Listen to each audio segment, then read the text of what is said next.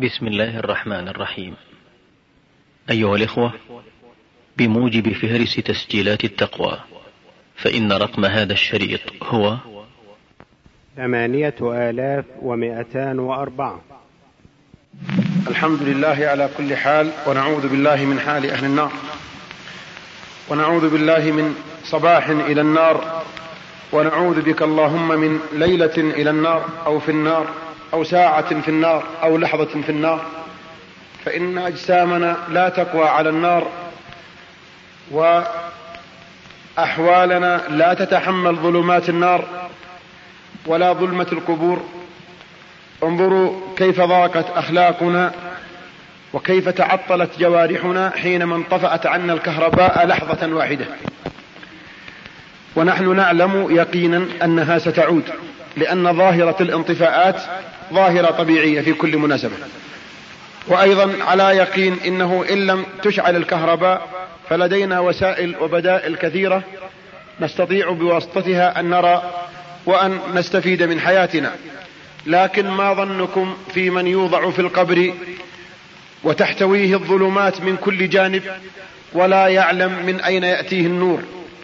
لأن نور القبور إنما يكتسب من سلوك العبد في هذه الدنيا. فمن كان في هذه الدنيا على النور مكنه الله عز وجل في العيش في القبر في النور. ومن لم يجعل الله له نورا فما له من نور. يوم ترى المؤمنين والمؤمنات يسعى نورهم بين أيديهم وبأيمانهم. بشراكم اليوم لانهم مؤمنون واهل, وأهل, وأهل عقيدة وأهل دين وأهل التزام وانتماء وهداية وانتظام في سلك المؤمنين.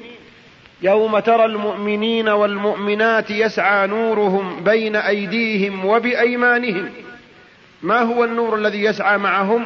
إنه نور العمل الصالح نور الإيمان والهداية. يسعى أمامهم وعن أيمانهم. فتقول لهم الملائكة بشراكم اليوم جنات تجري من تحتها الأنهار. خالدين فيها ذلك هو الفوز العظيم.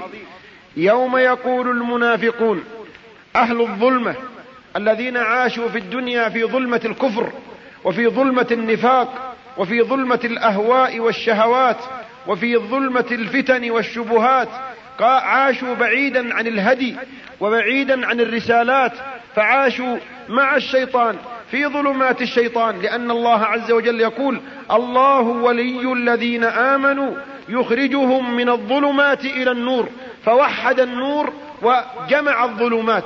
وفي أول سورة الأنعام يقول ربنا عز وجل الحمد لله الذي خلق الذي خلق الظلمات وجاء خلق خلق السماوات والأرض وجعل الظلمات والنور. ثم الذين كفروا بربهم يعدلون. فالظلمات متعددة والنور واحد. نور الله نور الإيمان واحد. يعيش عليه المؤمن. أما إذا حرم نفسه من النور لم يعش في ظلمة واحدة بل تتوارد عليه الظلمات وتحتوشه الظلمات من كل جانب. إذا أخرج يده لم يكد يراها كما مثل الله عز وجل بذلك المثل في سورة النور فقال والذين كفروا أعمالهم كسراب بقيعة يحسبه الظمآن ماء حتى إذا جاءه لم يجده شيئا ووجد الله عنده فوفاه حسابه والله سريع الحساب أو كظلمات يعني أعمالهم إما أن تكون كالسراب وهو العمل الصالح الذي كانوا يتصورون أنه صالح في أذهانهم لكن لما لم يكن خالصا لله عز وجل قدموا على الله فلم يجدوا شيئا. حتى إذا جاءه لم يجده شيئا ووجد الله عنده. وأعمال سيئة أخرى من الكفر قال أو كظلمات هذا العمل كظلمات إما كسراب أو كظلمات أو كظلمات في بحر لجي. والبحر اللجي البحر العميق المحيطات الكبيرة التي تزيد أعماقها على ثلاثة ألاف متر. هذه الحقيقة العلمية التي تحدث عنها رسول الله صلى الله عليه وسلم في القرآن لم تثبت للناس إلا في هذا الزمن. بعد كشف بعد يعني صنع الغواصات الذرية التي لا تستطيع أن تعيش إلا في أعماق المحيطات اكتشف بواسطة الأجهزة التي رصدت حركة الموج أن في تلك المحيطات العميقة أمواج. ليس موج واحد كان الناس يتصورون أنه لا يوجد في البحر إلا الموج الذي على سطح البحر. والذي يكون ويتكون عن طريق تأثر البحر وسطحه بالعوامل الجوية. لكن اكتشف أن فيه في المحيطات في الأعماق أمواج وأمواج. هذه الأمواج ما كانت تعلم قبل هذا الزمان والذي تحدث عنها رسول الله صلى الله عليه وسلم بوحي من ربه عز وجل بالرغم من أنه لم يركب البحر.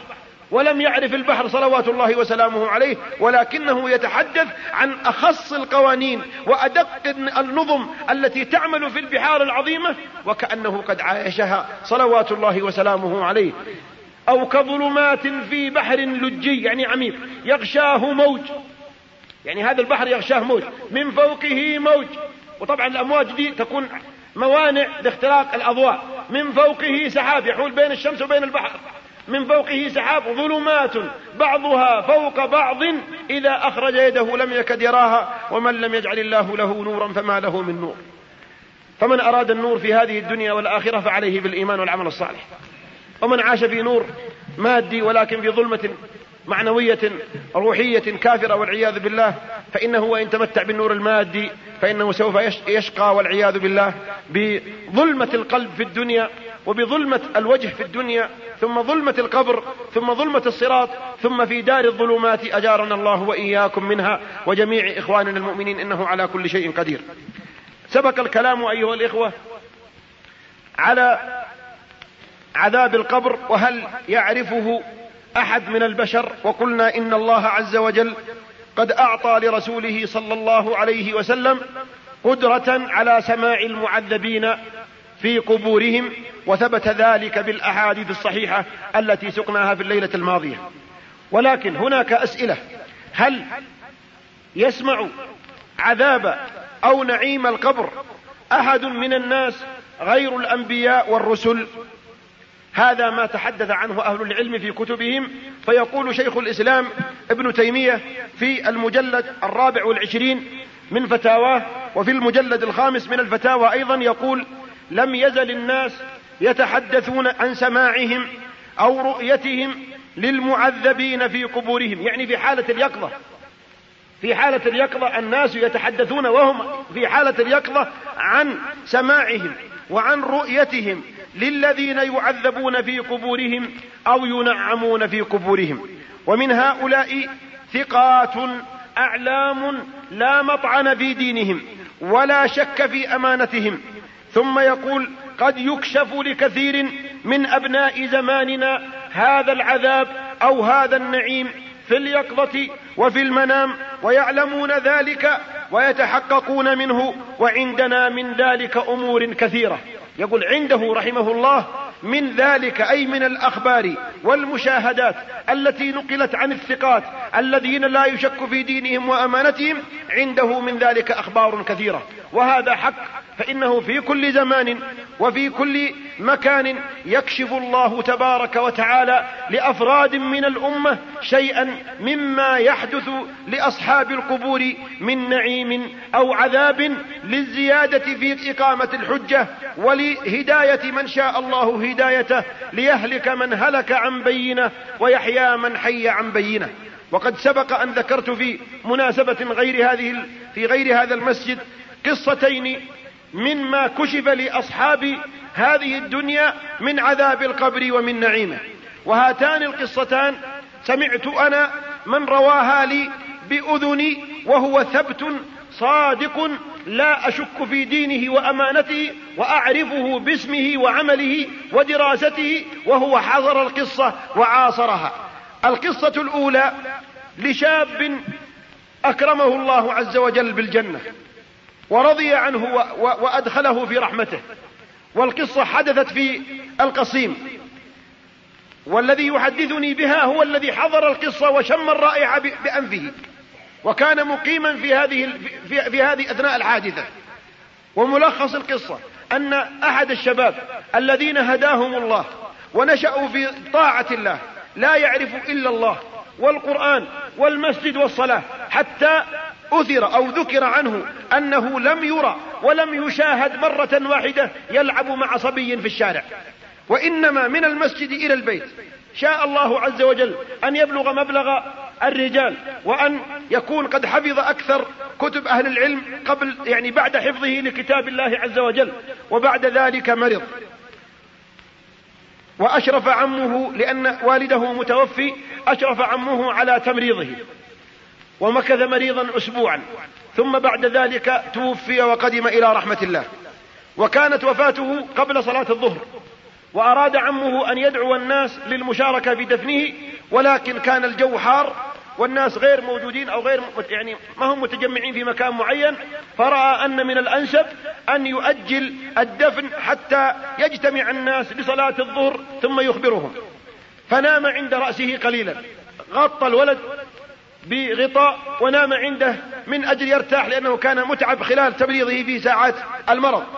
وبينما هو في المنام يحدث عن نفسه. يقول بينما هو في المنام إذ أقبل عليه مجموعة من النساء. علم من رؤيتهن ومن جمالهن وشكلهن أنهن لسن من نساء الدنيا. يعني من شكلهم ما هذا من أهل الأرض أبدا. وإذا بهم يسلمون عليه ويقولون السلام عليك ورحمة الله وبركاته فرد عليهم السلام فقالوا له نسألك بالله يا شيخ إلا عجلت علينا بهذا الشاب. فقال من أنتم؟ قالوا نحن زوجاته من الحور العين في الجنة. ونحن على أحر من الجمر في انتظاره وأنت تنام ونحن منتظرين. فالرجل فزع من نومه وقام مرعوبا وقام فرحا لأنه اعتقد أن ما دام هؤلاء في الانتظار فحقيقة الولد ما مات. الشاب هذا ما مات حقيقة. من هؤلاء في انتظاره وفي كرامته هؤلاء حقيقة هو يزف ولكن لا يزف إلى زوجة من نساء الدنيا وإنما يزف إلى زوجات من الحور العين الذين قال الله فيهن إنا أنشأناهن إنشاء فجعلناهن أبكارا عربا أترابا لأصحاب اليمين. نسأل الله وإياكم من فضله. فقام الرجل ودعا الناس وسارع في في تشييع الجنازة ودفنها وكل من دخل الغرفة من الناس يقول يا شيخ عندك رائحة. رائحة غريبة. رائحة كأطيب ريح وجد على وجه الأرض. ريح العود لكن ما هو عود الدنيا. فكان يسكت ولا يحدث إلى أن مرت عليه فترة حوالي شهرين فحدث بالخبر فانقطعت الرائحة من ذلك المكان. هذه قصة لأهل الإيمان. الله يجعلنا وإياكم منهم ويثبتنا وإياكم على الإيمان حتى نلقى الله. أما القصة الأخرى لشاب والعياذ بالله مات على الكفر والضلال والعياذ بالله بشهادة أهله ووالده فإنها القصة يحدثنا وأعرف اسم طبعا الأول اسم الأول الشيخ عبد صالح الراجحي. الشيخ صالح الراجحي وكان يعمل هنا في مع بن لادن أثناء قيام بن لادن بأعمال زفلة في المدينة العسكرية وبين أبها والخميس. كان الرجل يعمل عنده سائق دركتر وهو طالب علم قوي جدا وكان يحضر معنا في كل الندوات وهو الذي أخبرنا بهذه القصة. القصة الأخرى ينقلها لنا أحد الإخوة الذين أنا أعرفهم وزاملتهم في شركة كهرباء الجنوب اسمه المهندس علي غرم الشهري. وأرجو أن لا يخلط بين علي بن غرم الشهراني وعلي بن غرم الشهري. فكلاهما مهندسان وداعيان إلى الله وواحد منهم لا زال معنا الآن في الكهرباء والآخر صاحب القصة علي بن غرم الشهري من بلاد بني شهر من قرب النماص. هذا الرجل يعمل الآن في شركة سابق. للصناعات الأساسية بعد أن مكث عندنا هنا سنة وهو متخرج من كلية علوم الحاسب الآلي بجامعة الملك فهد للبترول والمعادن بالظهران وهو ثقة ومن الدعاة إلى الله وخرج إلى أكثر من بلد للدعوة إلى الله. يخبرنا هو بالقصة يقول كنا في خروج للدعوة في الأردن وفي مدينة الزرقاء بالذات وصلينا الجمعة في أحد مساجدها وبعد صلاة الجمعة كان معنا مجموعة من طلبة العلم منهم عالم من الكويت وبينما نحن جلوس في المسجد وقد انصرف الناس إذا بالناس يدخلون من أبواب المسجد بشكل غير طبيعي. وهم يصيحون أين الشيخ؟ أين الشيخ؟ ثم جاءوا إلى الشيخ من الكويت فقالوا له يا شيخ فيه شاب توفي صباح هذا اليوم عن طريق حادث مروري دهسته سيارة من سيارات الشحن ولما حفرنا قبره وجئنا ووضعناه في القبر فوجئنا بوجود ثعبان عظيم في القبر. فنحن الآن لم نضع الشاب وما ندري كيف نتصرف. يقول الأخ علي يقول فقام الشيخ وقمنا كلنا وأنا منهم. يقول قمت معهم أنا بنفسي. وذهبنا إلى المقبرة. ووجدنا الثعبان هذا في وسط القبر. فقلت له كم حجمه؟ قال كان حجمه في غلظ أو في ثخن الماسورة اثنين بوصة. وهو متلوي ورأسه من الداخل من داخل التلوة وذنبه من الخارج. ورافع رأسه هكذا يقول فاتح فمه ويخرج لسانه لسانه أحمر وعينه يقول بارزة وهو يطالع في الناس يقول فقال الشيخ دعوه واحفروا مكان آخر. يقول فذهبنا إلى مكان آخر على بعد ربما 200 متر فحفرنا قبرا وبينما نحن في نهايته وإذا بالثعبان يخرج من القبر الثاني فقال الشيخ شوفوا المكان الأول. فذهبنا للأول لم نجده هناك. قد اخترق الأرض وطلع من القبر الثاني. فقال الشيخ لو حفرنا ثالث ورابع سيطلع أجل ما في حيلة إلا أن نخرجه حاولوا في إخراجه يقول فجئنا بعصي وأصياخ يقول وحملناه وانحمل لنا وخرج من القبر. وجلس على شفير القبر يقول والناس كلهم ينظرون ثم أصيب أكثر الناس الذين قد ينظرون من بعيد. حصل لهم إغماء وحملتهم سيارات الإسعاف وحضر رجال الأمن ومنعوا الاتصال بالقبر إلا عن طريق بس العلماء وذوي الميت. يقول بينما جيء بالجنازة وأدخلت في القبر ووضعت من قبل أهل الميت ونحن وقوف إذا بذلك الثعبان يتحرك حركة عظيمة. يقول سار على أثرها الغبار أشبه بتدوير سيارة بصوت وقوة. يقول ثم دخل من أسفل القبر. نحن يقول لما تحرك كل واحد شرد في أرض واللي داخل القبر طلعوا من الخوف. وهذا دخل يقول والتوى عليه بدأ من رجوله ثم التوى حتى وصل إلى رأسه ثم اشتد عليه فحطمه يقول والله إننا كنا نسمع تحطيم عظامه كما تحطم حزمة الكرات. يقول ثم لما هدأت الغبرة وسكن الأمر جينا نطالع فيه إيش فيه؟ وإذا على هذا الوضع متلوي عليه. يقول فما استطعنا أن نفعل شيئا قال الشيخ ادفنه خلاص. يقول فوضعنا الصلاة ودفناه وذهبنا منه وعدنا إلى المسجد ثم ذهبنا إلى بيت العزاء لنعزي ونسأل إيش السبب؟ فسألنا والد الغلام أو الشاب هذا قلنا كيف ولدك؟ وإيش أسبابه؟ إيش عمل؟ قال كان طيب وكان طائع وكان ممتاز عنده يعني لكنه ما كان يصلي. يقول أبدا ما كان يصلي مطلقا فهذا سبب والعياذ بالله مصيره المحتوم. لأنه كما تعرفون أنه ترك أن ترك الصلاة كفر والعياذ بالله. هذه في زماننا هذا أدركناها وحصلناها. أما الغير فإنه يحدث على في كل بيئة وفي كل بقعة آيات ودلالات لتدعيم قضية الإيمان بالعذاب القبري حتى يهلك عن من هلك عن بينة ويحيى من حي من بينة. قال الإمام ابن تيمية في مكان آخر من مجلده في المجلد الخامس يقول وإذا عرف يبغى يدلل الآن على إمكانية رؤية الناس لعذاب القبر. ولو لم يكن أنبياء ولا رسل.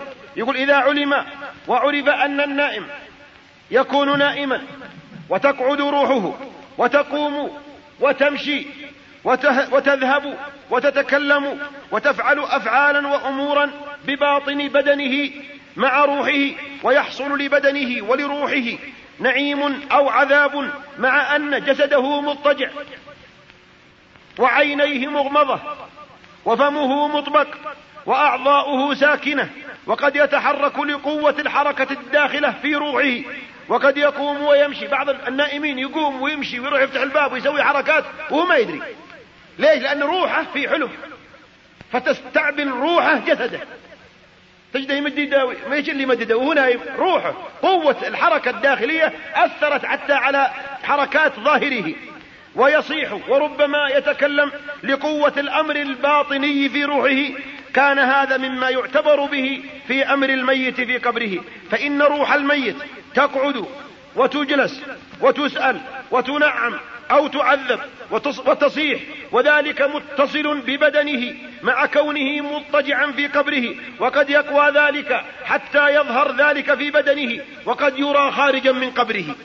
وقد رؤي كثير من الأموات استطاع أن يخرج من قبره ورآه المعذبين وأوصى بوصايا ورجع ودخل في قبره. وقد يرى خارجا من قبره والعذاب فيه والنعيم والعذاب مشتعل به وملائكة العذاب توثقه فيتحرك بدنه وتمشي ويمشي ويخرج من قبره.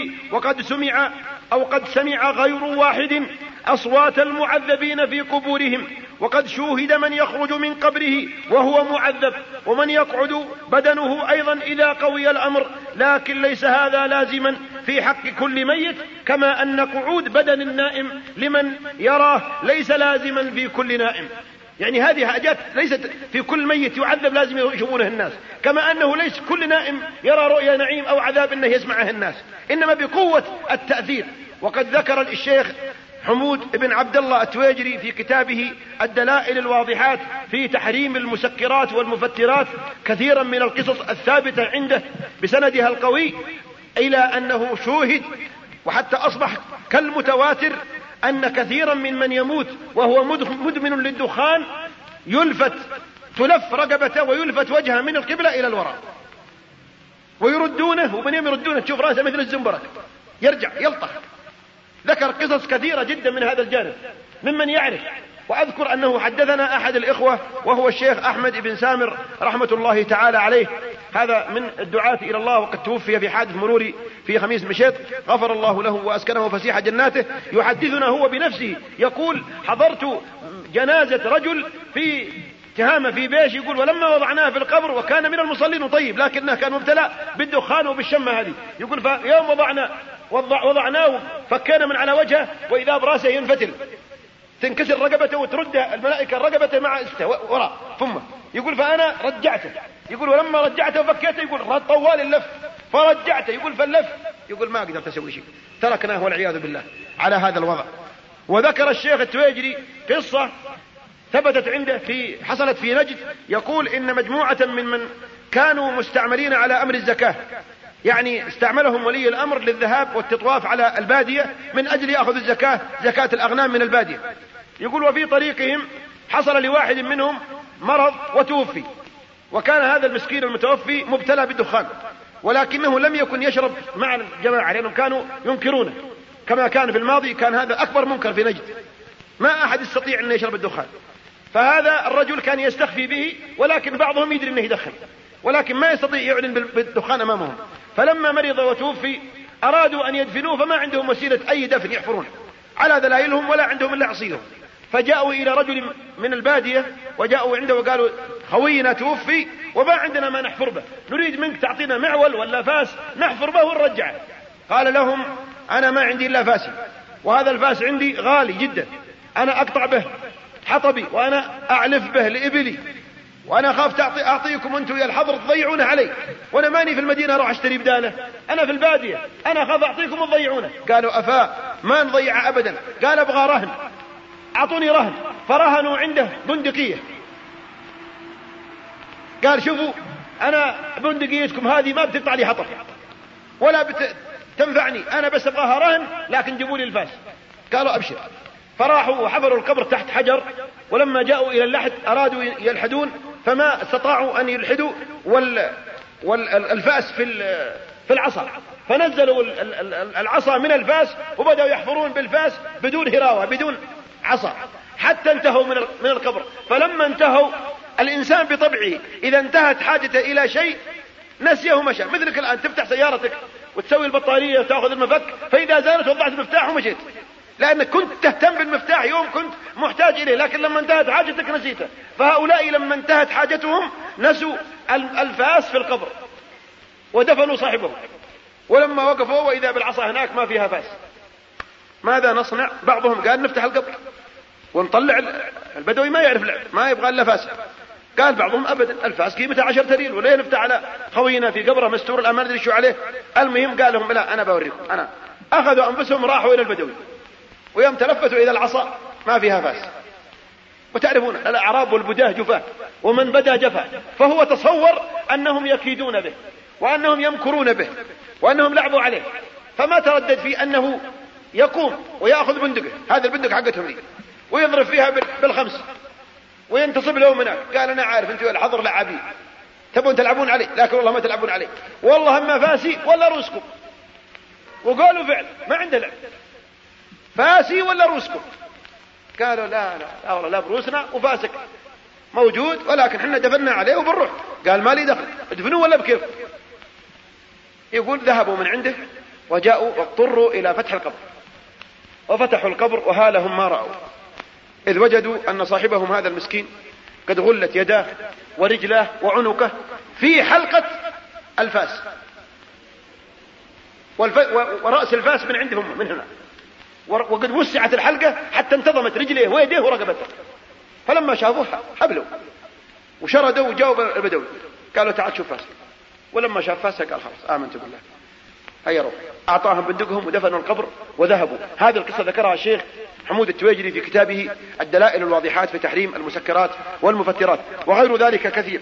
يقول لكن لا يلزم هذا لأن يكون في حق كل ميت كما لا يلزم أن يكون القعود والحركة والاستيقاظ في حق بدن كل نائم. ليس بل هو بحسب قوة الأمر ودواعيه. هذا فيما يتعلق هل يمكن أن يسمع الإنسان في اليقظة أو يرى نعيما أو عذابا. سمعتم ما ذكره شيخ الإسلام ابن تيمية. أما سؤال ثاني هل تتلاقى أرواح العباد أرواح العباد الأموات ويتزاورون في قبورهم؟ الذين ماتوا الآن وهم في قبورهم. هل تتلاقى أرواحهم في عالم البرزخ ويتزاورون أو يعرف بعضهم عن بعض شيء أو يعرفون هم في قبورهم شيء عما يدور في هذه الدنيا بعد وفاتهم. تكلم أهل العلم عن هذا كثيرا جدا. يقول ابن عبد البر ثبت عن النبي صلى الله عليه وسلم أنه قال ما من مسلم يمر على قبر أخيه كان يعرفه في الدنيا فيسلم عليه إلا رد الله عليه روحه حتى يرد عليه السلام. فهذا نص واضح في أنه يعرف من يعرفه في الدنيا ويرد عليه السلام. وثبت في الصحيحين عن رسول الله صلى الله عليه وسلم من وجوه متعددة أنه أمر بقتلى بدر بعد انتهاء المعركة. فألقوا في قليب يعني في حفرة. ثم جاء حتى وقف على رؤوسهم. وناداهم بأسمائهم. يا فلان ابن فلان يا فلان ابن فلان يا فلان ابن فلان. والصحابة وقوف. هل وجدتم ما وعدكم ربكم حقا؟ فإني وجدت ما وعدني ربي حقا. قال له عمر يا رسول الله أتخاطب أقوام قد جيفوا؟ يقول جيف قد انتفخت. تخاطبهم هذا الأموات؟ فقال عليه الصلاة والسلام والذي بعثني بالحق ما أنتم أسمع لما أقول منهم. يقول هم يسمعون أكثر منكم. والذي بعثني بالحق ما أنتم بأسمع لما أقول منهم ولكنهم لا يستطيعون جوابا.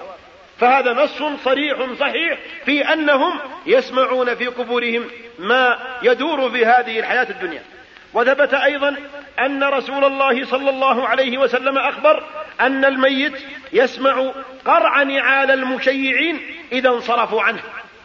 إذا انصرفوا بعد أن ينتهونهم أنعلتهم تصقع بعد ما خرجوا أنه يقعد في قبره ويسمع قرع نعالهم وتصفيق أيديهم. وقد شرع لنا رسول الله صلى الله عليه وسلم إذا مررنا على القبور أن نسلم عليهم سلام من نخاطب فيقول قولوا السلام عليكم دار قوم مؤمنين وهذا خطاب لمن يسمع ويعقل. إذ لو كانوا ما يسمعون ما نستطيع نقول السلام عليكم وهم لا يسمعون. ولولا ذلك لكان هذا الخطاب بمنزلة مخاطبة المعدوم أو مخاطبة الجماد وهذا محال. والسلف كلهم مجمعون على هذا وقد تواترت الآثار عنهم بأن الميت يعرف زيارة الحي ويستبشر به. حدثنا يقول ابن القيم رحمه الله هذا من كلام ابن القيم.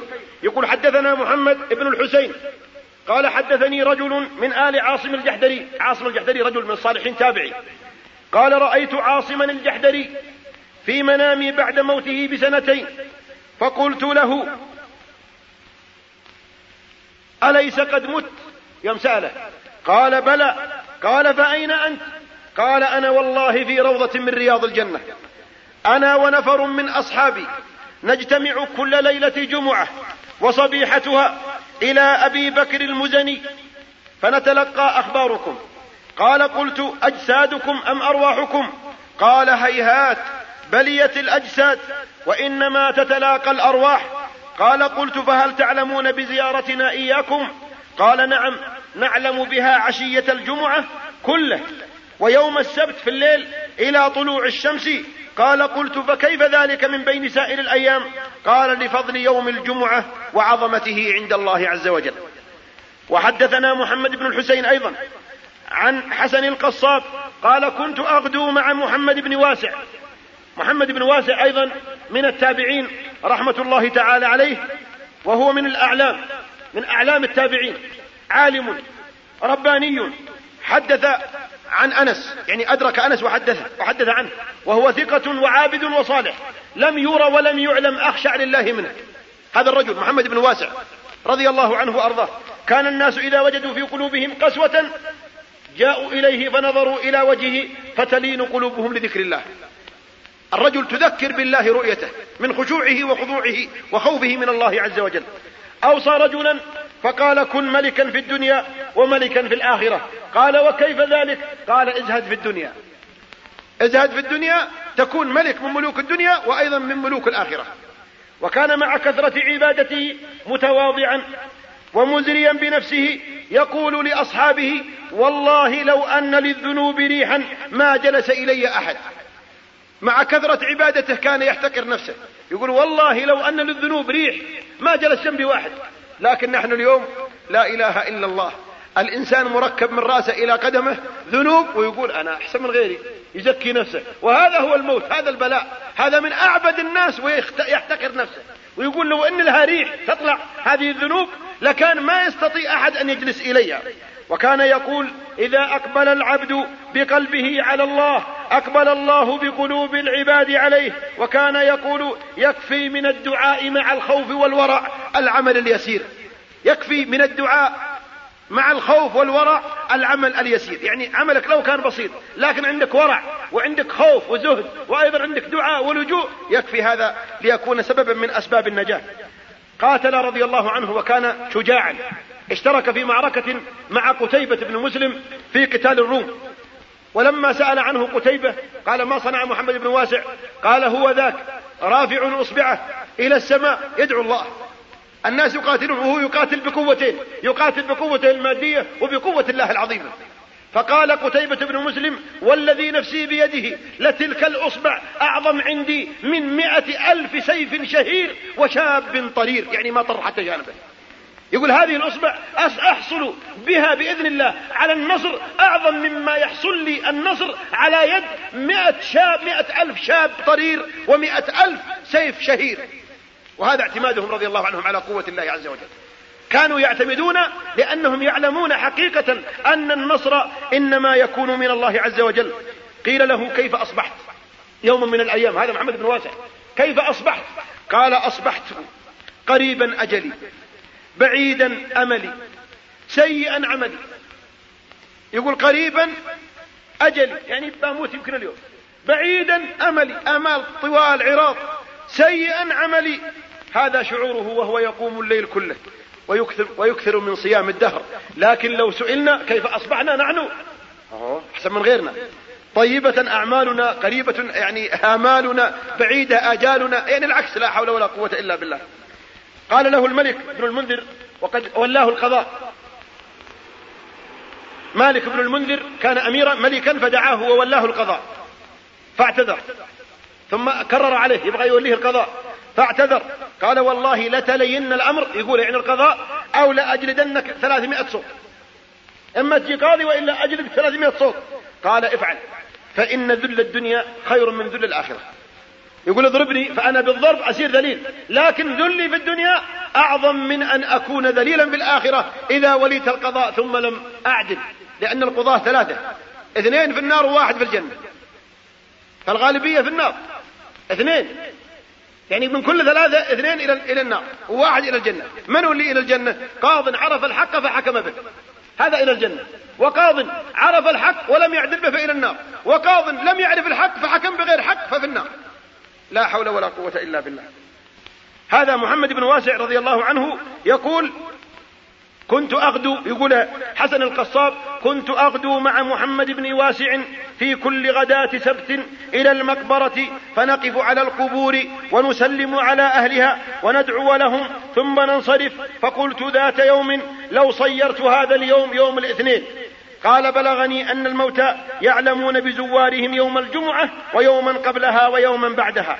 وحدثني يقول محمد ابن عبد العزيز بن أبان قال حدثنا سفيان الثوري قال بلغني عن الضحاك أنه قال من زار قبرا يوم السبت قبل طلوع الشمس علم الميت بزيارته فقيل له وكيف ذلك؟ قال لفضل يوم الجمعة. هذا عن من؟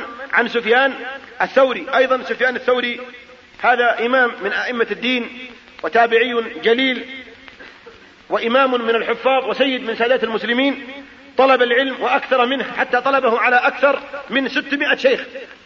ما هو على واحد ولا اثنين؟ طلب العلم وما وكان ما يذكر له عالم عنده علم ليس عنده إلا ضرب الأرض إليه وأخذ عنه. وأخذ منه هو من العلم من العلماء أكثر من ألف راوي. وكان شديد الفطنة. عظيم الذكاء عظيم الحفظ. يقول ما استوعب قلبي ما استودعت قلبي شيئا فخانني. يقول ما استودعت في قلبي شيء من العلوم ثم احتجت إليه فخانني. بل بمجرد ما أطلبه يأتي به القلب لأنه كالمسجل. وكان عابدا زاهدا ورعا تقيا. يقول عنه ابن ابن عيينة سفيان بن عيينة. يقول ما رأيت رجلا أعلم بالحلال والحرام من سفيان الثوري رحمه الله. وقال عنه الإمام أحمد سفيان هو الإمام الذي لا يتقدمه أحد في قلبي. وطبعا لما يزكي أحمد بن حنبل وسفيان بن عيينة لما يزكون رجال يزكون تزكية عظيمة. يقول ما رأيت؟ هو الإمام الذي لا يتقدمه أحد في قلبي. ويقول عنه يوسف بن أسباط قال لي سفيان بعد العشاء بعد العشاء بعد ما تصلوا العشاء ناولني المطهرة لأتوضأ حتى أنام. قال فناولته المطهرة فأخذها بيمينه. ثم وضع يساره على خده. ثم نمت. واستيقظت بعد طلوع الفجر. يقول هذا من؟ يقول يوسف ابن أسباط. يقول وإذا بالمطهرة في يده وهو كما هو يوم أن نمت أول الليل. يده تحت خده والمطهرة في يده وجالس من أول الليل. فقلت له يا إمام قد طلع الفجر. قال لي لم أزل على هذا الوضع منذ ناولتني لأنني تذكرت الآخرة. يقول تذكر الآخرة فما عاد جاه النوم ولا عاد بس جالس هكذا كأن عقله ما هو موجود من من قوة التأثر بذكر الله عز وجل وذكر الدار الآخرة. يقول سفيان الثوري هذا يقول من زار قبرا يوم السبت قبل طلوع الشمس علم الميت بزيارته. ويقول حدثنا بشر بن منصور قال لما كان زمن الطاعون كان رجل يختلف إلى الجبال يعني إلى المقابر فيشهد الصلاة على الجنائز. فإذا أمسى وقف على باب المقابر ثم دعا لهم وقال آنس الله وحشتكم ورحم غربتكم وتجاوز عن مسيئكم وقبل من محسنكم لا يزيد على هؤلاء الكلمات. قال فأمسيت ذات ليلة وانصرفت إلى أهلي. يقول هذا الرجل ولم آت المقابر فأدعو لهم كما كنت أدعو. قال فبينما أنا نائم إذا بخلق كثير قد جاءوني فقلت من أنتم وما حاجتكم؟ قالوا نحن أهل المقبرة. قلت ما حاجتكم؟ قالوا إنك قد عودتنا منك هدية عند انصرافك إلى أهلك. فقلت وما هي؟ قالوا الدعوات التي كنت تدعو بها. قال قلت فإني أعود لذلك فما تركتها بعد. أثرهم يصلهم هذا الدعاء ويفرحون به لأنه هدايا تقدم إليهم. وأبلغ من ذلك أبلغ من هذا أن الميت يعلم يعلم بعمل الحي من أهله وذويه وأقاربه. يقول عبد الله بن المبارك. وابن المبارك هذا سيرته تحدث عنها العلماء حديث عظيم تحدث عن صاحب الإصابة وصاحب سير أعلام النبلاء النبلي للذهبي. يتحدث عنها حديث عجيب جدا. ابن المبارك هذا يسمونه أمير الأتقياء. أمير الأتقياء وسيد العلماء.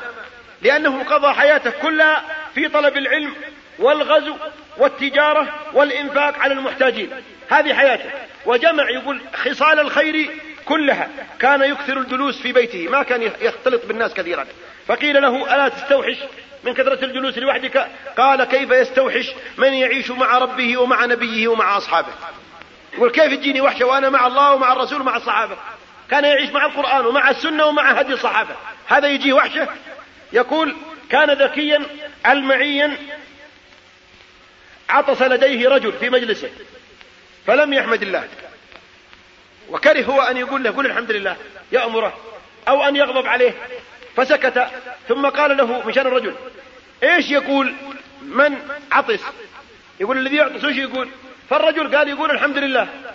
قال يرحمك الله. وبس ما قال قول الحمد لله. طيب ما هو قال الحمد لله؟ شوفوا الذكاء. قال له من يعطس؟ إيش يقول؟ قال يقول الحمد لله. قال يرحمك الله. ففطن الرجل لذكاء عبد الله بن المبارك وخجل. وما ينساها ابدا. لكن لو إنه واحد منا كان تلفت فيه بعين ولا قال له طيب أنت ما تحمد الله أحمد الله. فإذا قال الحمد الحمد لله قال الحمد لله قل الحمد لله. فإذا قالها رد عليه. لكن هذا أخذها بأسلوب غير مباشر. إيش يقول من عطس؟ قال يقول الحمد لله. قال يرحمك الله. قال عنه إسماعيل بن عياش ما أعلم أن خصلة من خصال الخير إلا وقد جعل الله جعلها الله في عبد الله بن المبارك. يقول أحد سلف يقول قدم الرشيد إلى الرقة الرقة أرض في العراق. فانجفل الناس إليه. فمر ابن المبارك فانجفل الناس كلهم إلى ابن المبارك وخلوا الرشيد. فنظرت امرأة من قصر من قصور الرشيد. إليهم وقد تقطعت نعالهم وثار غبارهم وهم كلهم وراء ابن المبارك. والرشيد ما وراه إلا الرسميين بس. الأخويا واللي معه. فقالت من هذا؟ تقول الجارية. من هذا الذي انجفل الناس إليه؟ قالوا هذا عالم خراسان عبد الله بن المبارك. قالت والله إن هذا هو الملك لا ملك الرشيد. تقول الناس ذهبوا إليه بغير أمر ولا نهي إلا بانتزاع. تقول هذا هو الملك الحقيقي لا ملك الرشيد. وكان إذا حج وهذا مأثور عنه ذكر هذه القصة. وإن كان العقل سبحان الله ما كاد يصدقها لكن ذكرها أهل السير ذكرها صاحب سير سير النبلاء الذهبي يقول كان إذا حج نادى مناديه في أهل خراسان من أراد أن يحج فليرافقنا فيجتمعون في بيوته ثم يقوم فيطلب منهم أن يكتبوا كل واحد نفقته في ورقة ويحطها في صرة ويأخذ فلوسهم وعلى كل نفقة كتابة اسم صاحبها ثم بعد ذلك يقوم. يضعها في صندوق عنده في البيت.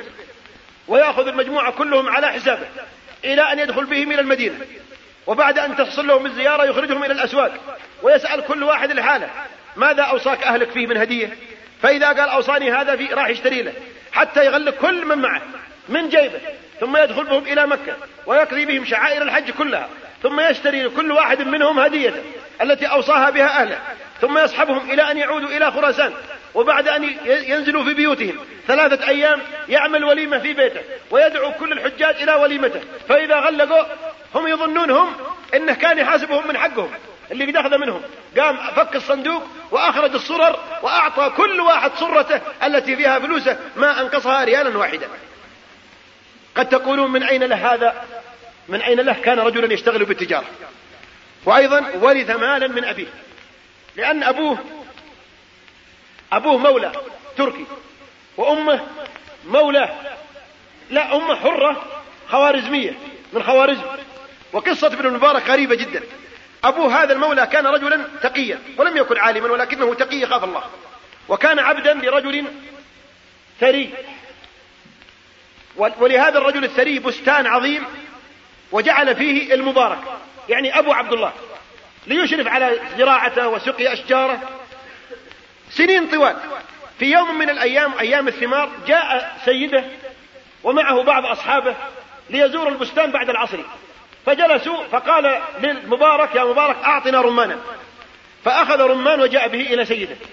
فتحوا الرمان وجدوا الرمان حامض مثل الليمون.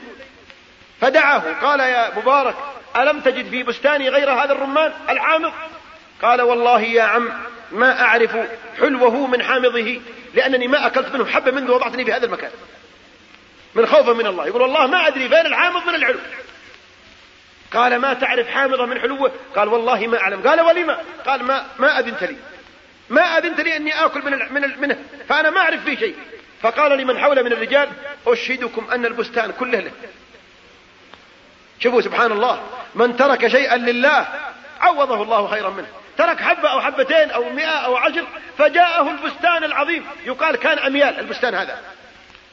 في طولة وعرضة فأصبح للمبارك فجلس فيه المبارك مالكا يعني متفكها وجاء يوم من الأيام يريد أن يتزوج ولكن ما يعرف من يتزوج به.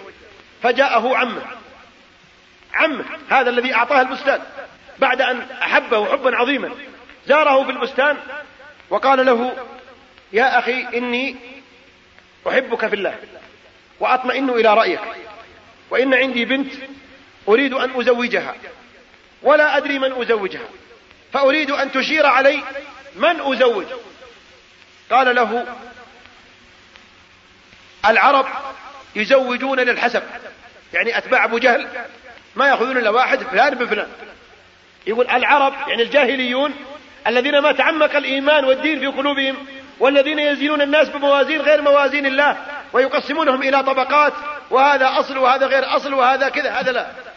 هذا مناقض ومناهض للدين والعقيدة الإسلامية لأن الإسلام قد أعلن وحدة الجنس البشري وبين أن الناس كلهم لآدم. والله يقول في القرآن يا أيها الناس إنا خلقناكم من ذكر وأنثى. من هم الذكر والأنثى؟ آدم وحواء. يعني كل الناس يلتقون إلى آدم وحواء؟ فالذي يقول لا أنا لي أصل ثاني كأنه يقول فيه آدم وحواء أصل وفيه آدم وحواء ما هو أصل ما هو أصيل. هذا يكفر بالقرآن ويرده. وهذه مصيبة عظيمة جدا. قال العرب الجاهليون يزوجون للحسب. يقول واليهود أصحاب رؤوس المال يزوجون للمال. والنصارى أصحاب العيون الشقراء والشعر الجميل والمناظر الجميلة يزوجون للجمال وأهل الدين يزوجون للدين. يقول هذه الناس أربع صفات أما جاهلي ولا يهودي ولا نصراني ولا مسلم فالجاهلي يبغى حسب فلان بن فلان واليهودي يبغى كم الرصيد كم عنده كم راتبه إيش معه؟ والنصراني يبغى إيش لونه وش طوله وش عرضه وكيف عيونه وكيف نقوده وكيف فمه وكيف رأسه. بس قال والمسلم يسأل عن الدين عن عقيدته. قال الرجل والله ما أرى في الأرض أدين منك أنا أزوجك بنتي. قال قبلتها. فتزوجها وولدت له عبد الله بن المبارك. وورث عبد الله هذا المال من أبيه ونماه وثمره وكان يستعين به على طاعة الله. فنعم المال الصالح في يد عبد الله بن المبارك الصالح. ولا يعني يفهم من هذا أنه دعوة إلى أن يمتلك الناس الأموال لكن دعوة إليها بشرطها. فمن كان في يده مال واستعان به على دين الله فإن المؤمن القوي خير وأحب إلى الله من المؤمن الضعيف وفي كل خير والقوة هنا قوة كاملة قوة في المال أو قوة في البدن أو قوة في العلم أو قوة في المؤهل أو قوة في أي مجال من مجالات الحياة. فإذا كان مؤمن وقوي عنده مال لا شك أن الله سينصر به الدين وسيصنع به ما لا يصنعه به الفقير الذي لا مال عنده. هذا ابن المبارك يقول حدثني ثور بن يزيد عن إبراهيم عن أبي إيوب قال تعرض أعمال الأحياء على الأموات. فإذا رأوا فرح فإذا رأوا حسنا فرحوا واستبشروا. وإن رأوا سيئا قالوا اللهم راجع اللهم راجع. وذكر ابن أبي الدنيا عن أحمد بن الحواري قال حدثني محمد قال دخل عباد بن عباد على إبراهيم بن صالح وهو على فلسطين. والي قال عظني قال بما أعظك أصلحك الله بلغنا أن أعمال الأحياء تعرض على أقاربهم الموتى فانظر ما يعرض على رسول الله صلى الله عليه وسلم منك ومن عملك. فبكى إبراهيم حتى ابتلت لحيته. وقد ثبت في الصحيح أن الميت يستأنس بالمشيعين لجنازته بعد موته. روى مسلم في صحيحه من حديث عبد الرحمن بن شماسة المهري قال حضرنا جنازة عمرو بن العاص قبل وفاته رضي الله عنه وأرضاه. هذا صحابي جليل. وهو في سياق الموت. فبكى طويلا وحول وجهه إلى الجدار وجعل ابنه يقول ما يبكيك يا أبتاه؟ أما بشرك رسول الله صلى الله عليه وسلم بكذا وكذا. فأقبل بوجهه علينا. وهو كان مقبل الجدار. وقال إن أفضل ما أعد شهادة أن لا إله إلا الله وأن محمدا رسول الله وإني كنت على ثلاث درجات. لقد رأيتني وما أحد أشد بغضا مني لرسول الله صلى الله عليه وسلم لأنه كان إسلامه متأخر جدا.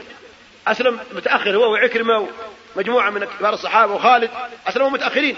يقول مرت علي فترة كنت أشد الناس بغضا لرسول الله ولا أحب إلا أن أكون قد تمكنت منه فأقتله. فلو مت على هذه الحال لكنت من أهل النار. فلما قذف الله في قلبي بالإسلام لقيت رسول الله صلى الله عليه وسلم فقلت له أبسط يدك لأبايعك فبسط يمينه. قال فقبضت يدي. قال ما لك يا عمرو؟ لما مدده. قال أشترط يا رسول الله. قال ما تشترط؟ قال قلت أشترط على ربي أن يغفر لي. قال أما علمت أن الإسلام يهدم ما كان قبله وأن الهجرة تهدم ما كان قبلها وأن الحج يهدم ما كان قبله وما كان أحد أحب إلي من رسول الله صلى الله عليه وسلم ولا أجل في عيني منه وما كنت أطيق النظر إليه إجلالا وإعظاما ولو سئلت أن أصفه ما أطقت. يقول ما أقدر أصفه لأني ما أستطيع أنظر إليه. من هيبته صلوات الله وسلامه عليه. لأني لم أكن أملأ عيني منه ووددت لو أنني مت على تلك الحال لرجوت الله أن أكون من أهل الجنة. يقول ودي أني مت في ذيك اللحظات التي كنت فيها أجل رسول الله وأحب رسول الله صلى الله عليه وسلم. يقول ثم مات رسول الله وولينا أشياء بعده ما أدري ما حالتي فيها. فإذا أنا مت يقوله فلا تصحبني نائحة ولا نار. فإذا دفنتموني فسنوا علي التراب سنا. سنموا يعني. ثم أقيموا حول قبري قدر ما تنحر جزور وتقسم لحمها حتى أستأنس بكم وأنظر ماذا أراجع به رسل ربي.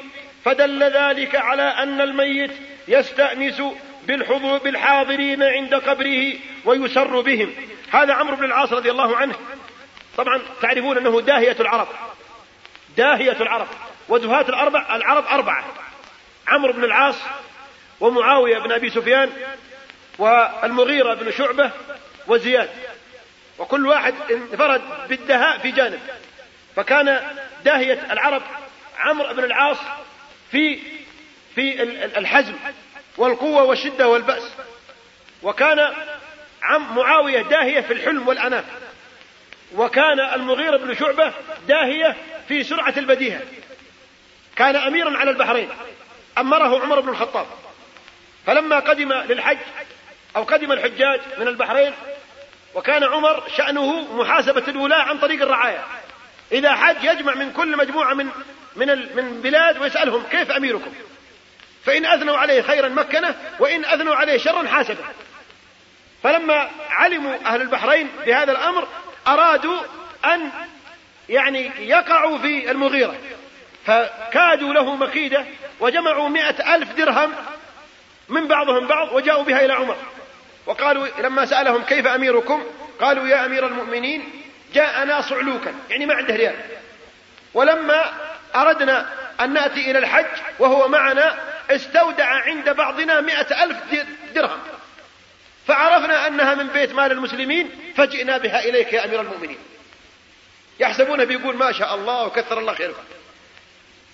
فقام عمر رضي الله عنه لأنه يقول لا تحكم لي على الخصم حتى يحضر فإنه وإن كان الخصم الذي جاءك يشتكي قد فقعت عينه فربما قد فقعت عينا ذاك. لا تعجل في الحكم. وقد عاتب الله داود لأنه تعجل في الحكم.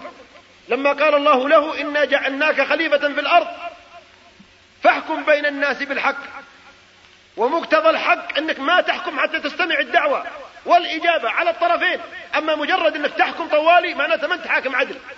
وأرسل الله على داود اختبار في هذا وجاءه اثنين من الملائكة وتسوروا المحراب وقال واحد منهم إن هذا أخي له تسع وتسعون نعجة ولي نعجة واحدة. فقال أكفلنيها وعزني في الخطاب. فما صبر أيوب آه، داود وما قال إيش عندك أنت يا خصم ثاني؟ وإنما حكم طوالي قال لقد ظلمك. بسؤال نعجتك إلى نعاجه ثم قال علل قال وإن كثيرا من الخلطاء لا يبغي بعضهم على بعض.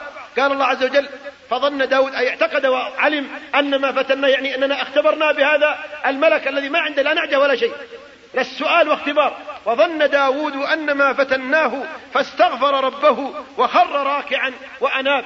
وما يدار في بعض كتب الإسرائيليات من أن داود عليه السلام كانت له تسعة وتسعين زوجة وإن شاف وحده في بيته وإن راح أرسل زوجها إلى الغزو وإن أخذها وتزوج بها وضمها. هذا كله كذب وافتراء وقدح في مقام النبوة.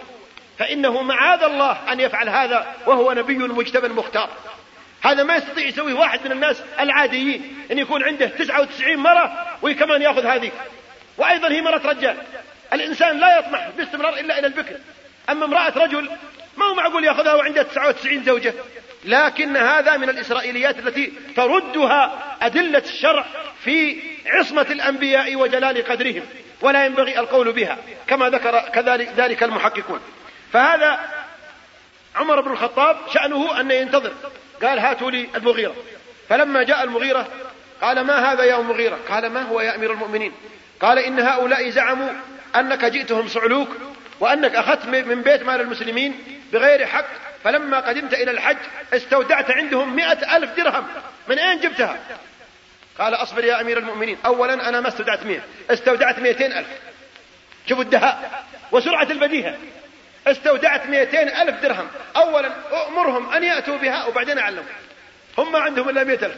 وقد دوروا لها بكل وسيلة وما لقيوها. فلما ورطوا طبعا هذه حجة عليهم. قال لهم أمير المؤمنين هاتوا المئة الثانية يا, سراقين. تأخذون مئة. وت... مثل ما طلعتوا مئة طلعوا الثانية. وهذا ما يكذب أبدا. فلما علموا أنهم ورطوا قالوا يا أمير المؤمنين والله ما أعطانا لا مئة ولا مئتين. كذبوا أنفسهم. ولكن الرجل كرهناه. قال وما تكرهون فيه قال دينه وعدله. كرهناه يقول فأردنا أن نمكر به فأوقعنا الله في مكرنا. فقال الحمد لله الذي لم يخيب فراستي في المغيرة ورده واليا على البحرين. فهذا من دهائه رضي الله عنه. عمرو بن العاص داهية العرب ورجل العالم. دوخ الدنيا هذا الرجل. يضرب به المثل في الحزم وفي الدهاء. فتح مصر واستعمله عمر عليها. وجاء وأهل مصر كانوا يقدمون كل سنة كل سنة يقدمون بنت جميلة عذراء ملبسة من أحسن ما يمكن يدفعونها في النيل وإذا ما دفعوها النيل ما يسيل يحصل فيه انحسار. إذا رموا بها يسيل لما جاء عمر استنكر. عمرو كتب إلى عمر قال إن أهل مصر يدفعون كل سنة. فلا فتاة حتى يسيل النيل. قال عمر امنعهم من هذا وألقي كتابي هذا إلى في النيل. كتب عمر قال من عمر أمير المؤمنين إلى النيل نهر مصر. إن كنت تجري بأمر الله فاجري وإن كنت تجري بأمر الشيطان فلا أجراك الله. أخذ عمر يخاطبون الأنهار. شوفوا قوة الإيمان. أخذ عمرو بن العاص الورقة ورمى بها في النيل يقول فحصل تلك السنة فيضان ما عرفت مثله مصر بأمر الله عز وجل. وانقطعت تلك العادة الشيطانية التي كان الشيطان قد أوحى بها إلى الناس. هاجر سنة ثمانية يعني متأخر. هجرته كانت قبل الموت موت النبي صلى الله عليه وسلم بحوالي يعني ثلاث أو أربع سنوات مع خالد بن الوليد وعكرمة وفرح بهم النبي صلى الله عليه وسلم وأمره عمر على بعض الجيش وجهزه للغزوات وله أحاديث كثيرة أكثر من أربعين حديث منها ثمانية في البخاري وكان واضحا لا يعرف النفاق أبدا ولا ولا التلوي. يقول عنه قبيصة بن جابر ما رأيت رجلا أبين أو أنصع رأيا ولا أكرم جليسا منه ولا أشبه سريرة بعلانية. من عمرو بن العاص رضي الله عنه. وهو أحد دهاة الأرض فتح مصر في خلافة خلافة عمر وكان ذا بصر وشجاعة ودربة ورؤية في أمور الحرب رضي الله عنه. المسألة الثالثة من المسائل التي يمكن أن نسأل عنها أو نناقش فيها هل تتلاقى أرواح الأموات وأرواح الأحياء؟ الأول هل يعرف الأحياء يقظة ما يجري من نعيم أو عذاب في القبور؟ والثاني هل تتزاور أرواح الأموات في قبورهم بعضهم مع بعض؟ والثالث هل تتزاور وتتلاقى أرواح الأموات والأحياء الذي على ظهر الأرض؟ هذا كثير جدا. يقول ابن القيم رحمه الله هذه مسألة شريفة. عظيمة القدر وجوابها أن الأرواح في عالم البرزخ على قسمان أرواح معذبة وأرواح منعمة فالمعذبة في شغل شاغل بما هي فيه من العذاب عن التزاور والتلاقي. ولهذا المعذب ما يزور أحد في الدنيا. المعذب ما يزور الذي يزور الذي في نعيم. أما الذي يكوى بالنار ويحرك بالنار في الليل والنهار ما هو فاضي يروح يزور أحد. وإنما هو في شغل شاغل بما سلط عليه من عذاب القبر والعياذ بالله. وأما الأرواح المنعمة فهي تتلاقى وتتزاور وتتذاكر ما كان منها في الدنيا وما يكون من أهل الدنيا فتكون كل روح مع رفيقها الذي هو على مثل عملها وروح نبينا محمد صلى الله عليه وسلم في الرفيق الأعلى. قال عز وجل ومن يطع الله والرسول فأولئك مع الذين أنعم الله عليهم من النبيين والصديقين والشهداء والصالحين وحسن أولئك رفيقا. وهذه المعية ثابتة في الثلاث الدور في الدنيا وفي دار البرزخ وفي دار الجزاء والمرء مع من أحب في هذه الدور. نسأل الله الذي لا إله إلا هو أن يحشرنا في زمرته وأن يجعلنا ممن يعيش معه ويراه صلوات الله وسلامه عليه. يقول الإمام الشعبي جاء رجل من الأنصار إلى رسول الله صلى الله عليه وسلم يبكي ويقول يا رسول الله يا نبي الله والله الذي لا إله إلا هو إني لأحبك أحب من نفسي وأهلي ومالي وإني أكون في أهلي فأذكرك فلا تهدأ نفسي حتى آتي إليك. فأنظر إلى وجهك يا رسول الله وإني ذكرت يا رسول الله أنك ستموت وأنني سأموت فعرفت أني لن أكون معك في الدار الآخرة وأنك ستكون في منزلة النبيين وأنني إن دخلت الجنة كنت في منزل أدنى من منزلتك فلم يرد عليه النبي صلى الله عليه وسلم. شوفوا كيف نظرة الرجل البعيد. يقول إني بتموت وأنت مع النبيين وأنا إن كان دخلت ماني مع النبيين. ما بعد بشوفك يا رسول الله. فكيف أفعل؟ قال فلم يرد عليه النبي فنزل قول الله عز وجل ومن يطع الله والرسول فأولئك مع الذين أنعم الله عليهم من النبيين والصديقين والشهداء والصالحين وحسن أولئك رفيقا. هذا نص في ذلك. وقد أخبر الله عز وجل عن الأحياء أنهم يرزقون عند ربهم وأنهم يفرحون ويستبشرون بالذين لم يلحقوا بهم من خلفهم. وهذا دليل على تلاقيهم في عالم البرزخ من وجوه ثلاثة. الأول أنهم عند ربهم يرزقون والثاني أنهم يستبشرون بإخوانهم لقدومهم عليهم من بعدهم. والثالث أن لفظ الاستبشار يفيد أنه يبشر بعضهم بعضا فهم يتباشرون بذلك في الآخرة كما كانوا يتباشرون بالبشرى في الدنيا. وقد تواترت المرائي عن تلاقي أرواح الناس الصالحين في الآخرة مع أرواح الصالحين في الدنيا كثيرا جدا. منها ما روى صخر بن راشد. قال رأيت عبد الله بن المبارك. هذا الذي ذكرنا قصته. رأيت عبد الله بن المبارك بعد موته. فقلت له ألست قد مت؟ قال بلى. قلت فما صنع الله بك؟ قال غفر لي مغفرة أحاطت بكل ذنب. قلت فأين سفيان الثوري؟ قال بخ بخ ذاك مع, مع الذين أنعم الله عليهم من النبيين والصديقين والشهداء والصالحين. وحسن أولئك رفيقا. لا إله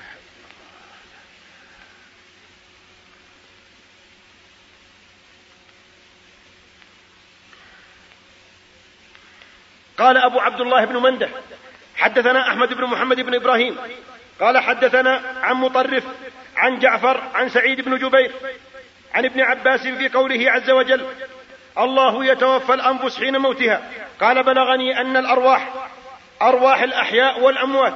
تلتقي في المنام فيتساءلون بينهم فيمسك الله أرواح الأموات ويرسل أرواح الأحياء إلى أجسادها. وذلك وقد دل على التقاء أرواح الأموات والأحياء أن الحي يرى الميت في منامه فيستخبره ويخبره الميت بما لا يعلم الحي فيصادف خبره كما أخبر. وأبلغ من هذا أنه يخبره بما عمله من عمل لم يطلع عليه أحد غيره. يقول ابن القيم رحمه الله قال سعيد بن المسيب وهم إمام التابعين التقى عبد الله بن سلام وهو صحابي من اليهود أسلم على عهد النبي صلى الله عليه وسلم وسلمان الفارسي التقوا وهم أحياء فقال أحدهما للآخر إن مت قبلي يقول إن كانك مت قبلي فألقني في المنام يقول بالله إذا مت شوفوا كيف كلامهم يا جماعة الخير عندهم يقين على قضايا الموت كأنما كأنما قضايا يقظة قال إن مت قبلي فألقني في المنام وأخبرني بما لقيت عند الله. وإن أنا مت قبلك فسوف ألقاك فأخبرك. فقال الآخر وهل تلتقي الأموات والأحياء؟ قال نعم. أرواحهم في الجنة تذهب حيث شاء تشاء. قال فمات أحدهم فلقيه في المنام. فقال له ماذا أصنع؟ قال توكل على الله وابشر. فلم أر مثل التوكل. قال العباس بن عبد المطلب كنت أشتهي أن أرى عمر في المنام فما رأيته إلا بعد حول من موته فرأيته يمسح العرق عن جبينه وهو يقول هذا أوان فراغي. بعد سنة. إن كاد عرشي ليهد لولا أني لقيت رؤوفا رحيما. ولما حضرت شريح العابد الوفاة دخل عليه غضيف بن الحارث وهو يجود بنفسه. قال يا أبا الحجاج إن قدرت على أن تأتينا بعد الموت تخبرنا بما لقيت من ربك فافعل. وكانت كلمة مقبولة عند أهل العلم وأهل الفقه بالدين فمكث زمانا بعد موته لم يره. ثم رآه في المنام. فقال له كيف حالك؟ قال تجاوز ربي عن الذنوب فلم يهلك منا أحد. قلت إلا من؟ قال إلا الأعيان. قلت ومن هم؟ قال الذين يشار إليهم بالأصابع. يقول هؤلاء سقطوا في الامتحانات. وقال عبد الله بن عمر بن عبد العزيز رأيت أبي في النوم بعد موته كأنه في حديقة فدفع إلي تفاحات فأولتهن الولد فقلت أي الأعمال وجدت يا أبتي؟ قال الإستغفار يا بني. الإستغفار من أعظم الأعمال لأن الله عز وجل جعله أمانا من العذاب في حياة رسول الله وبعد موته قال الله عز وجل وما كان الله ليعذبهم وأنت فيهم وما كان الله معذبهم وهم يستغفرون نسأل الله الذي لا إله إلا هو أن يغفر لنا وإياكم ذنوبنا وأوزارنا وسيئات أعمالنا وأن يتقبلنا في عباده الصالحين. إنه ولي ذلك والقادر عليه. وصلى الله على نبينا محمد وعلى آله وصحبه وسلم.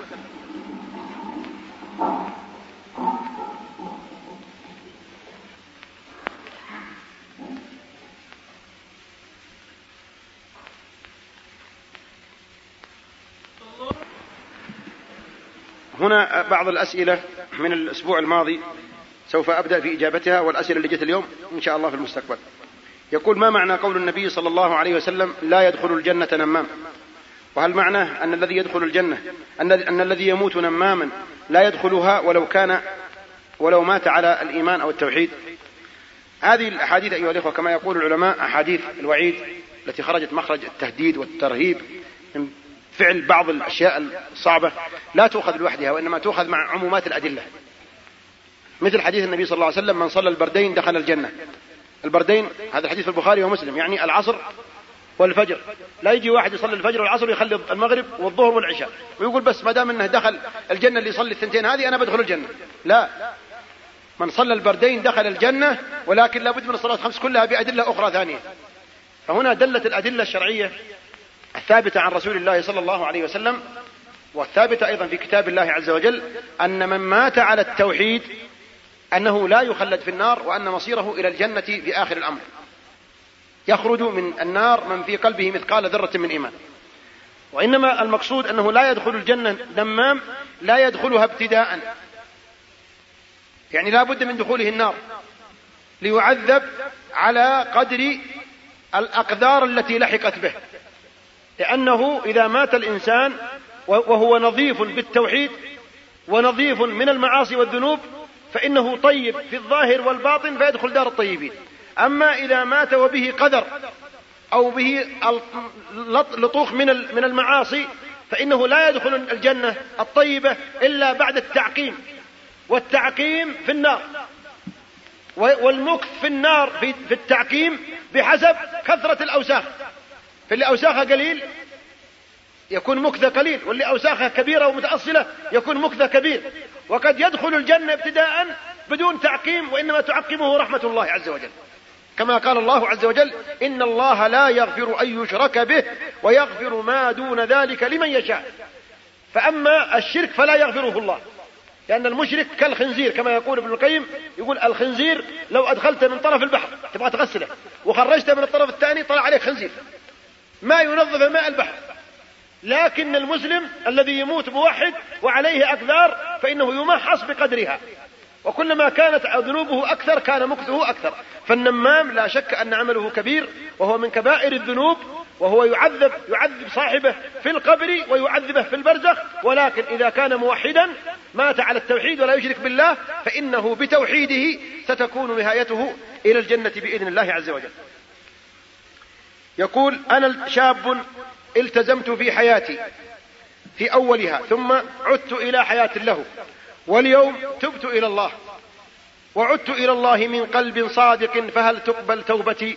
نعم يا أخي الشاب تقبل توبتك ويقلب الله سيئاتك التي عملتها حسنات ولكن اثبت يا أخي المسلم فإن التذبذب والصعود والهبوط والجد مرة والكسل مرة والمحافظة على الصلوات مرة وتركها مرة هذه ظاهرة ما هي صحية. هذه ظاهرة خطيرة في حياة الشاب لأنه قد يجيه الموت وهو في النزول. من يرجعه بعدين؟ أو قد ينزل نزلة ما يطلع بعدها إلى يوم القيامة. بعض الشباب يقول أنا الآن اهتديت لكن ضيقت على نفسي. فليه ما أسوي زي هذول العابثين والسرابيل ذول الداجين؟ أشبع في المعاصي والذنوب وبعدين أتوب. فينزل. فإذا نزل وعاش الحياة العابثة هذه إما أن يموت قبل أن يتوب أو أن يستمرئ وتتحبب له هذه الأمور والعياذ بالله فيألفها فلا يستطيع أن يتوب فيموت خاسرا والعياذ بالله. لأن الله هو الذي يحبب إلى الإيمان. قال الله هو الذي ولكن الله حبب إليكم الإيمان وزينه في قلوبكم وكره إليكم الكفر والفسوق والعصيان. أولئك هم الراشدون. فنسأل الله أن يحبب إلينا الإيمان وأن يزينه في قلوبنا وأن يكره إلينا الكفر والفسوق والعصيان. فاثبت يا أخي على دين الله ولا تتذبذب فإن هذا خطر لأن مجال تذبذب القلب والقلب هذا جهاز عجيب. يتقلب وما سمي الإنسان إلا لنسيه ولا القلب إلا أنه يتقلب وهو بين إصبعين من أصابع الرحمن. ولذا كان النبي صلى الله عليه وسلم يسأل الله ويقول اللهم ثبتني. اللهم يا مقلب القلوب ثبت قلبي على طاعتك. كان يسأل وهو وهو المثبت لهذه الأمة يقول اللهم ثبت قلبي على دينك وعلى هداك. فاسأل من الله التثبيت واثبت على دين الله عز وجل واتبع وسائل الثبات وهي تلاوة القرآن الكريم وأيضا فعل ما أمر الله به وهذه أعظم مثبت للدين أنك تفعل أوامر الله. في مقدمتها التوحيد بعدين الصلوات الخمس بعدين الزكاة هذه عظيمة جدا. لأن الذي لا يصلي في المسجد وتوحيده خربان الله لا يثبته يقول الله عز وجل ولو أنهم فعلوا ما يوعظون به أي ما أمرهم الله به لكان خيرا لهم وأشد تثبيتا. فأعظم شيء يثبتك على الدين ولا تزيغ ولا تهلك تمسك بطاعة الله.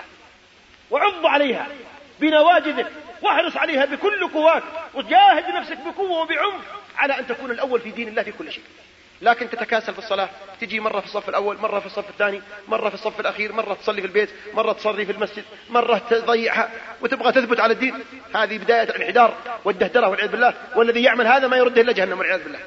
لكن اللي يجاهد نفسه باستمرار ما إن يسمع أذن حتى يكون هذا الله عز وجل يثبته ويحبب له الإيمان ويمضي عليه فترة بسيطة من الزمن وإذا هذه الأعمال والطاعات تصبح صفة لازمة وثابتة من صفاته لا يمكن أن يتركها بحال من الأحوال. ليه؟ لأن الله ثبته. قال الله يثبت الله الذين آمنوا بالقول الثابت في الحياة الدنيا يعني هنا وفي الآخرة ويضل الله الظالمين ويفعل الله ما يشاء. يقول كنت قاصدا العمرة. ولما أحرمت من الميقات كان وصولي وقت صلاة من الصلوات الخمس. فصليت ثم اكتفيت بها لكن قيل لي لا بد من صلاة ركعتين. فهل هذا صحيح؟ لا ليس بصحيح. الصحيح أن أن رسول الله صلى الله عليه وسلم أهل بعمرة بإحرامه بعد أن أدى الفريضة. هذا هدي. فإذا صليت فريضة في ميقات من المواقيت فإنك تحرم بعده. أما إذا لم جيت على غير فريضة اختلف أهل العلم في حكم صلاة الركعتين. فمنهم من قال لا أصل لها. إذا جيت في غير وقت فريضة فتحرم من الميقات ولا تصلي ركعتين. لأن الرسول صلى الله عليه وسلم لم يفعلها وإنما صلى خلف فريضة. فإما أن تصلي خلف فريضة وإلا ألا تفعل. ومن أهل العلم وهم الجمهور قالوا يصلي ركعتين قياسا على صلاة الفرض. فإن النبي صلى الله عليه وسلم لما صادف وقت فرض أحرم بعده ولما لم يصادف الإنسان وقت فرض فليصلي نفلا تشبها برسول الله صلى الله عليه وسلم. وهذا يرجحه الشيخ عبد العزيز بن باز والكثير من العلماء المحققون أنه يصلي بعده. لكن أما أن تصلي فريضة وبعدين تقوم تصلي نافلة هذا غلط ولم يقل به أحد من أهل العلم.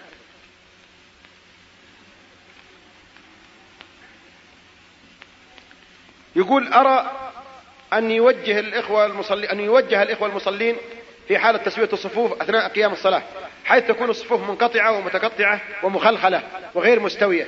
هذا تنكيد تنبيه جيد جدا وهو مهم لأن تسوية الصفوف أيها الإخوة كما تعرفون من تمام الصلاة. والرسول صلى الله عليه وسلم قال لأصحابه ألا تصفون كما تصف الملائكة عند ربها؟ قالوا كيف تصف؟ قال كانوا يتمون الصفوف الأول في الأول ويراصون في الصفوف. فتسوية الصفوف جزء من تسوية القلوب. وإذا استوت القلوب استوت الصفوف. وإذا اختلفت القلوب اختلفت الصفوف. فلا بد من المراصة. وكان النبي صلى الله عليه وسلم يهتم بهذا الجانب. وكان السلف من بعده يهتمون بأمر الصلاة. وكان عمر يأخذ الناس بالدرة بالعصا. اللي يشوف رجله قادمة ولا ظهرة قادم يدقه ويرجعه. يعني صفة مضبوط. لأن استواء الصفوف مطلوب وشيء من متطلبات الفريضة. فينبغي للمسلم أن يحرص على هذا وأن ينظر عن يمينه وعن شماله وأن يمط جنبه وأن يتقدم أو يتأخر حتى يستقيم الصف ولا يبقى فيه اعوجاج وأن يتم الصف الأول والأول وأن لا يبدأ صفا من الوسط حتى ينتهي الصف من طرفيه من هنا ومن هنا لأن غالبا ما يبدأ الناس الصفوف من عند الباب. وتجد الصفوف اللي من هنا ناقصة باستمرار لأن الواحد يدور المخسارة يبغى من هناك علشان إذا سلم يبغى يختصر الطريق ويمشي من هناك وهو بيمديه إنه يمشي. يقول نجحت من الثانوية وحمدت الله عز وجل ثم بعد ذلك درست طلب أهلي مني أن أدرس فحرمت الدراسة على نفسي. كما حرمت حرمت الجنة على الشيطان. لا حول ولا قوة إلا بالله.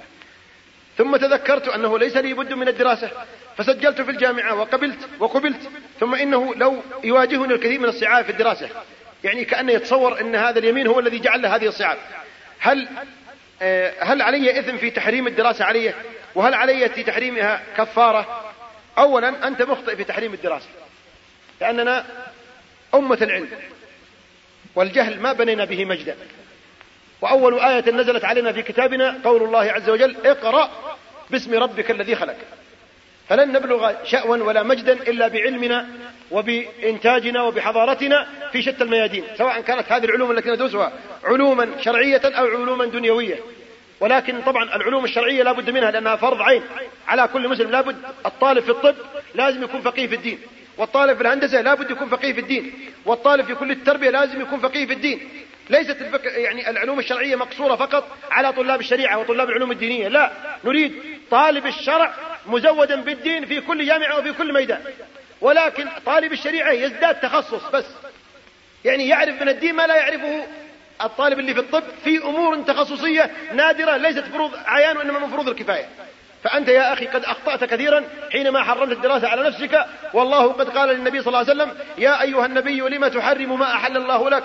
تبتغي مرضاة أزواجك. وقال قد فرض الله لكم تحلة أيمانكم فأنت لا ينبغي لك أن تقف عند هذا اليمين ولا تحرم ما أحل الله وعليك أن تواصل دراستك وأن تستعين بالله. ولتعلم أن هذه المصاعب التي تواجهك في دراستك الجامعية هذا شيء طبيعي في حياة كل شاب جامعي.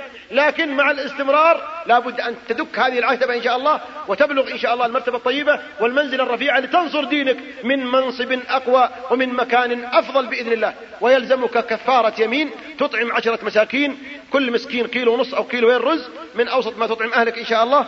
وأسأل الله أن يتوب علي وعليك.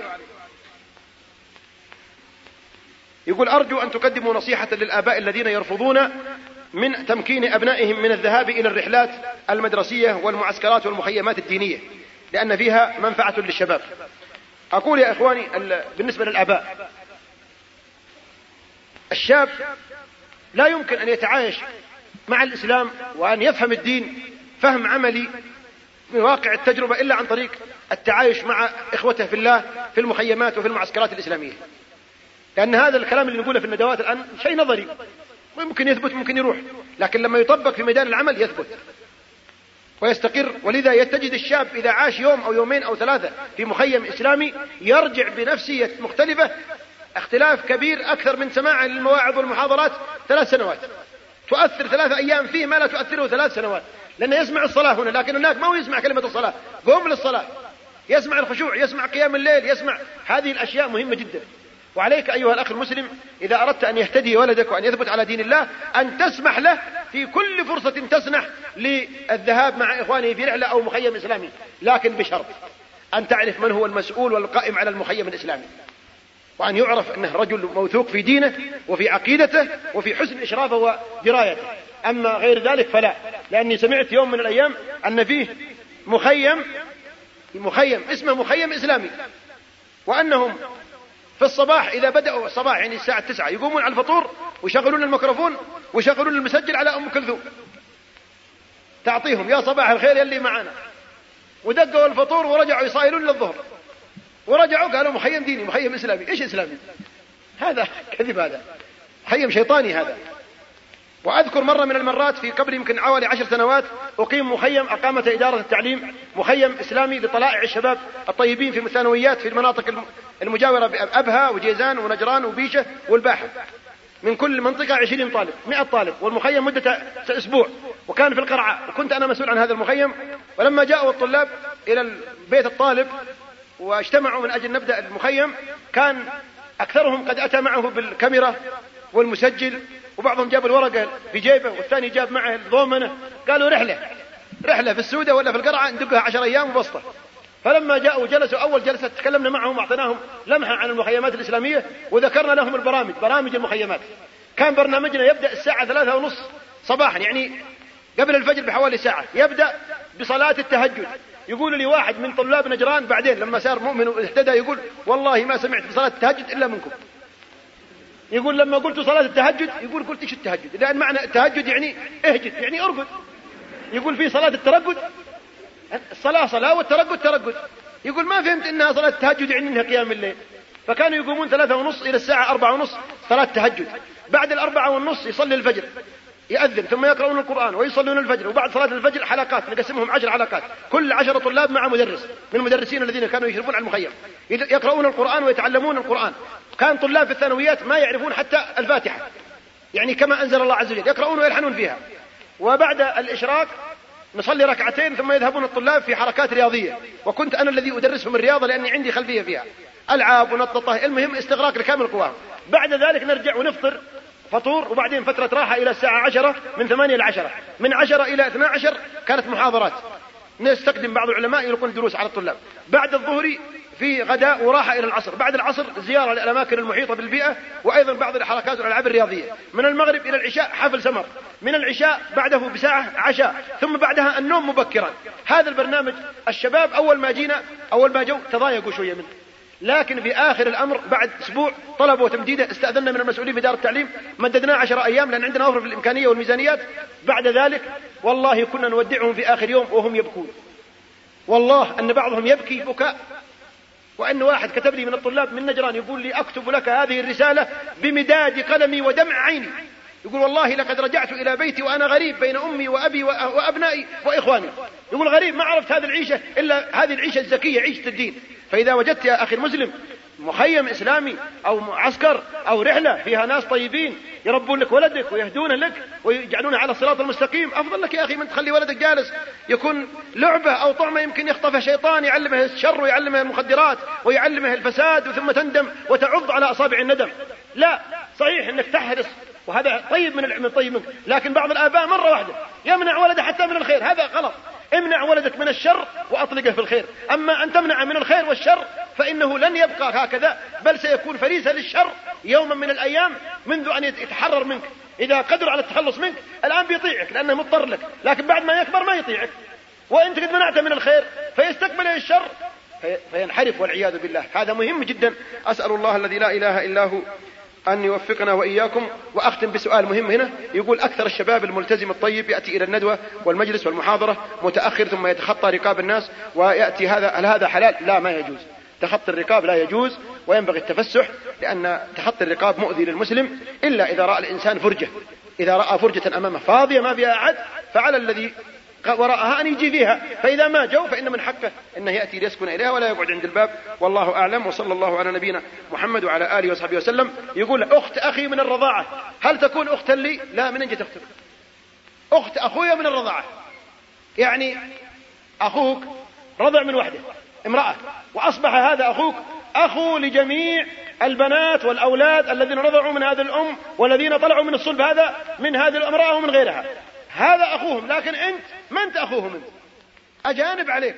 فيقول أخت أخويا من الرضاع. هي أختي يبغى يروح يسلم عليها. لا تم تنزيل هذه المادة من موقع نداء الإسلام www.islam-call.com